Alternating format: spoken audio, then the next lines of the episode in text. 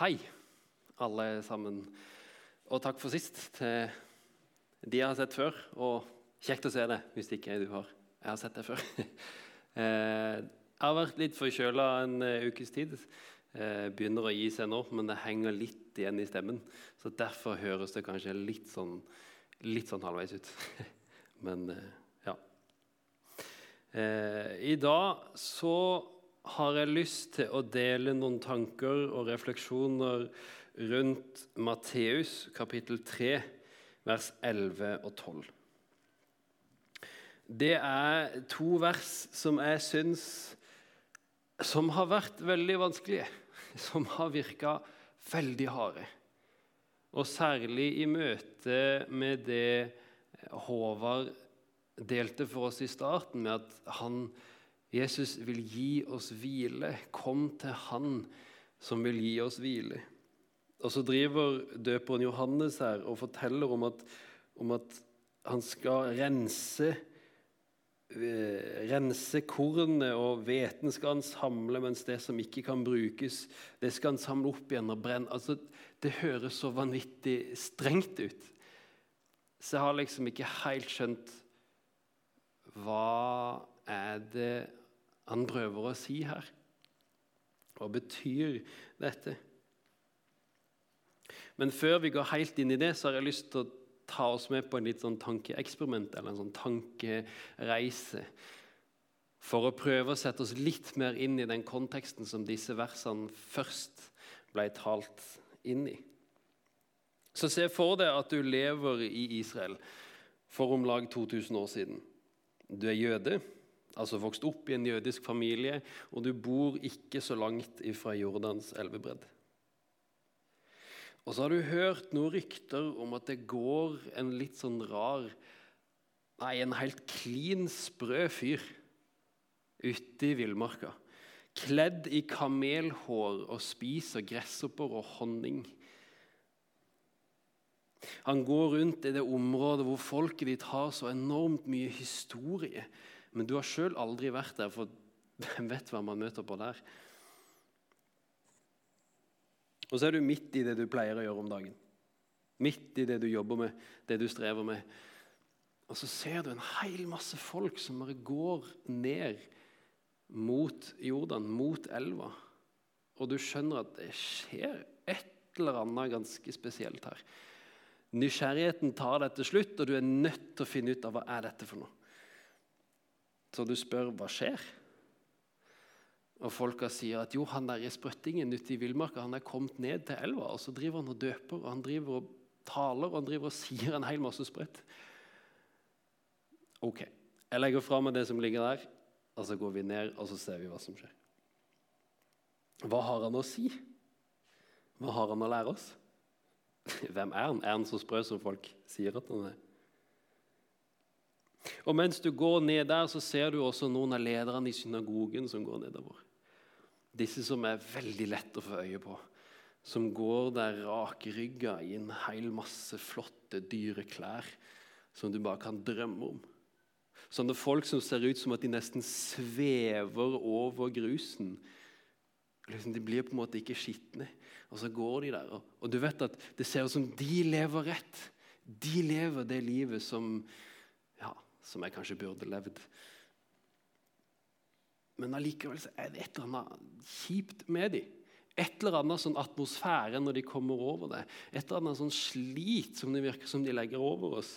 Og Er det sånn Gud virkelig ønsker at vi skal leve?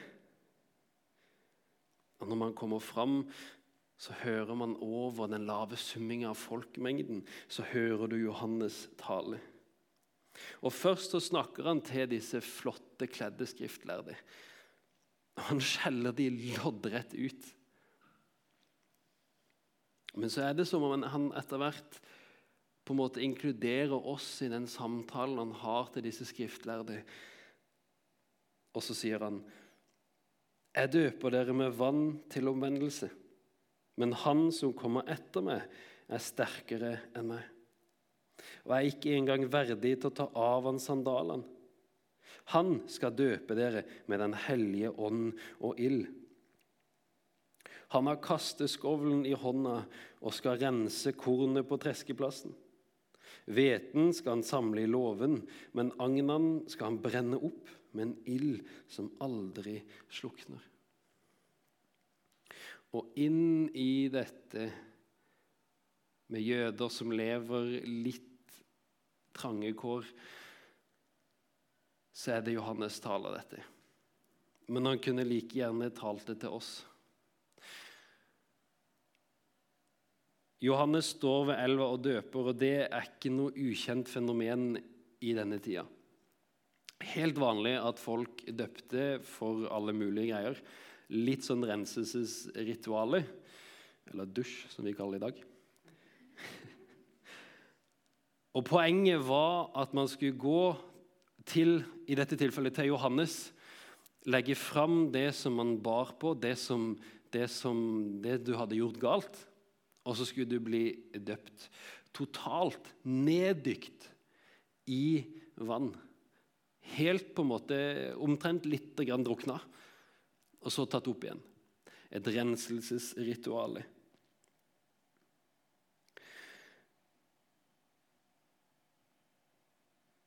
Og Johannes står der, han er en stor skikkelse, men han uttrykker på en veldig tydelig måte at det kommer en som er så enormt mye større enn han sjøl. Og han bruker et bilde som vi kanskje mister litt i dag. Men han bruker et bilde som sier at han sjøl er ikke verdig til å krype ned langs bakken for å ta av Jesus-sandalene. Det var en jobb eller en tjeneste for slaver, for de som man omtrent ikke så på. Ikke engang det er den store Johannes verdig til å gjøre med den enda større Jesus som er på vei til å komme. Som er på vei til å gjøre noe mye, mye større enn det Johannes gjør. Johannes døper med vann og renser de syndene som han kommer med.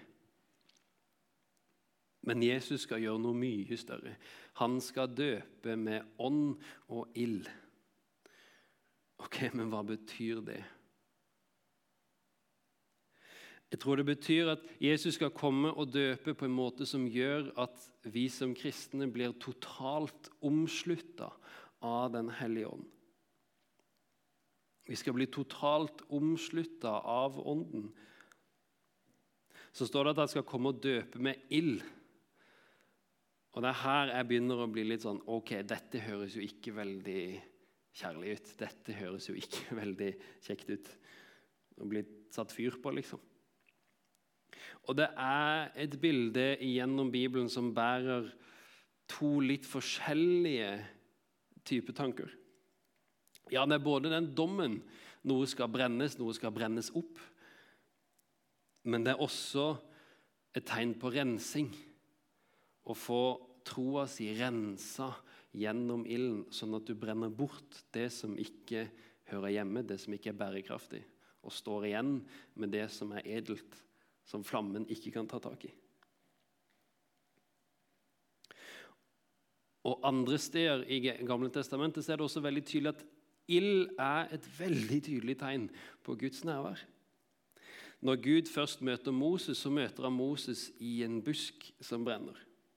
Og Når israelittene mottar budet fra Gud, så står det at fjellet står i fyr og flamme. Et uttrykk for Guds nærvær. Og det hele er et veldig tydelig tegn fra Johannes om at nå kommer det noe annerledes. Nå kommer det noe nytt.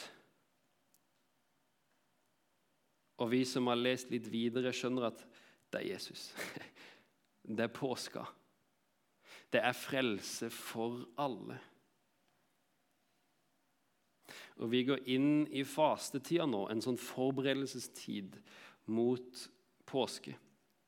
Noe av grunnen til at det er satt opp et sånt eh, påske... Sånn, hva kaller man det? En, eh, noe greier på utsida der. Et sånt bilde eh, av påska. Tre kors og ei tom grav. Men tilbake til dette med at han skal døpe med ånd og ild. og at han har kasteskovl eller en spade i hånda som han skal rense kornet med. Og dette bildet om å rense kornet er også et veldig tydelig tegn på et tydelig bilde på dom gjennom hele GT, gjennom hele Gamle testamentet. Det man gjorde da, var å finne en plass med litt vind, og så samla man sammen alt kornet man hadde fått tak i. Man eh, kjørte over det med en treskeslede eller et eller annet som knuste det litt opp, og så kasta man det i lufta. Og På den måten så ble det som var skall, det som var på en måte bare søppel, det blåste bort med vinden. Og så falt kornet, det matnyttige, det du kunne bruke til noe, det falt tilbake til jorda. Og det er akkurat det Jesus også skal gjøre. Samle kornet, knuse det litt, Hiver det opp i lufta. Så det som ikke er noe, det som er tomt, det skal blåses bort. Ikke nok med at det skal blåses bort, Jesus skal gjøre en ganske nøysommelig jobb med å samle det sammen igjen for så å brenne det opp til det aldri mer eksisterer. Og her igjen kjenner jeg ikke helt igjen denne Jesus som vi leser om i Matteus 11, som skal gi oss hvile. Her leser vi om en som skal samle sammen, og så brenne opp det som ikke funker. Og jeg tenker, ok, Skal han gjøre det med oss mennesker? liksom? Skal han samle oss sammen og så bare brenne det som på en måte ikke betyr noe. Hvordan vet jeg at jeg ikke er en av disse som flyr med vinden og senere blir kasta i en eller annen ovn? Dette har vært et skikkelig vanskelig vers for min del. Men så har jeg sett litt nøyere på det, og jeg tror det også, og kanskje mest, handler om en indre renselse. Johannes døperen forteller disse versene til Guds folk. Johannes forteller om omvendelse til de som allerede sier de tilhører Gud. Forteller om omvendelse til oss som er kristne. Og så står det at, Guds, at Jesus skal samle kornet på sin treskeplass. Og litt som bibeleksegese, jeg skal ikke bruke lang tid på det.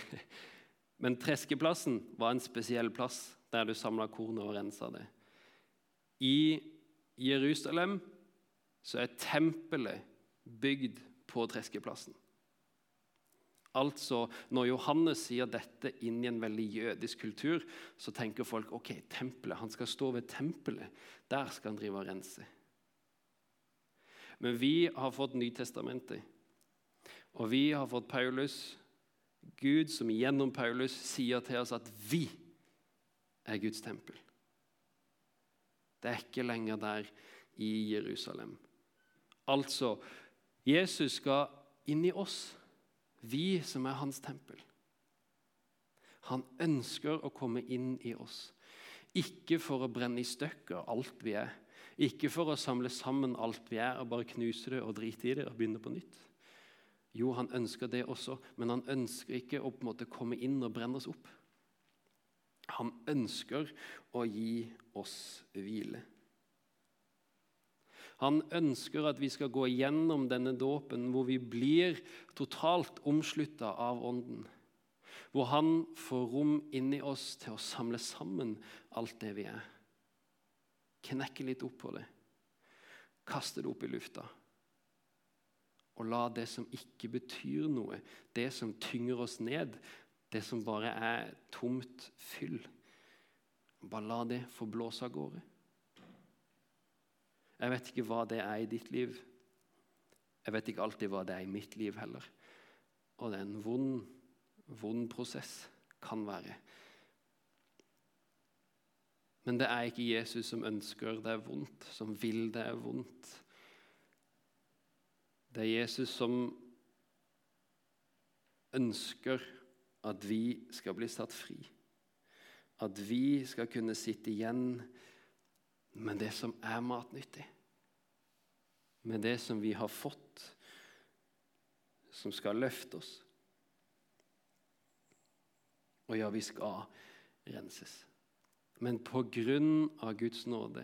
Fordi vi er døpt. Både med vann, vi som er det, men vi som har sagt ja til Jesus, vi som er kristne, vi er døpt på en annen måte også. Og når man blir døpt, iallfall i denne konteksten, så blir man som sagt totalt dykka ned i vann. Klissblaut. Og så blir man tatt opp igjen. Og Man går ut av vannet, og da skjer det naturlig. Man tørker litt opp. Man tørker helt opp. Og For å bli blaut igjen så må man tilbake i denne elva og bli dykka ned på ny. Og sånn tror jeg det er med vårt liv også.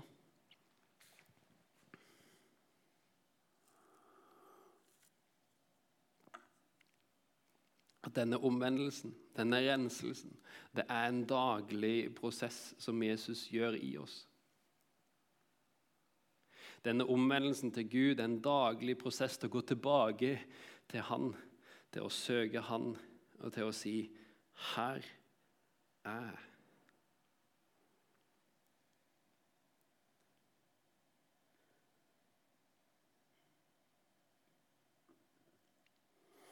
Og så kan vi stole på han. Sjøl når det ser ut som at han har null kontroll, så kan vi stole på han. Til at han har kontroll, og til at han vet hva han driver med. Og så kan vi si til han, bare gi meg litt pause. I dag orker jeg ikke mer. Bare gi meg litt pause. Og så kan vi fortsette denne rensinga etterpå, men i dag bare gi meg litt pause. For som sagt, han ønsker ikke å gjøre oss noe vondt. Han ønsker å gi oss hvile. Og han ønsker å gi oss fred. En evig fred. Som jeg tror vi kan få smak, en smakebit av her på jord. Som bare en bitte liten smakebit av hvordan det en gang skal bli når vi kommer fram.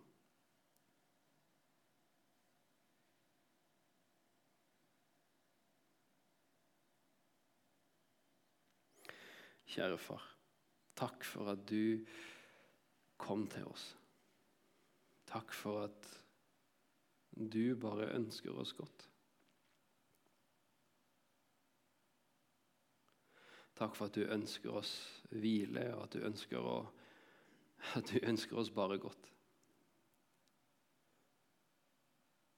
Takk for at du ønsker å ta bort i oss det som er i veien, det som bare er tomt fyll. Så ber vi deg gjøre det skånsomt. Og la oss aldri, aldri få glemme at vi er dine barn uansett.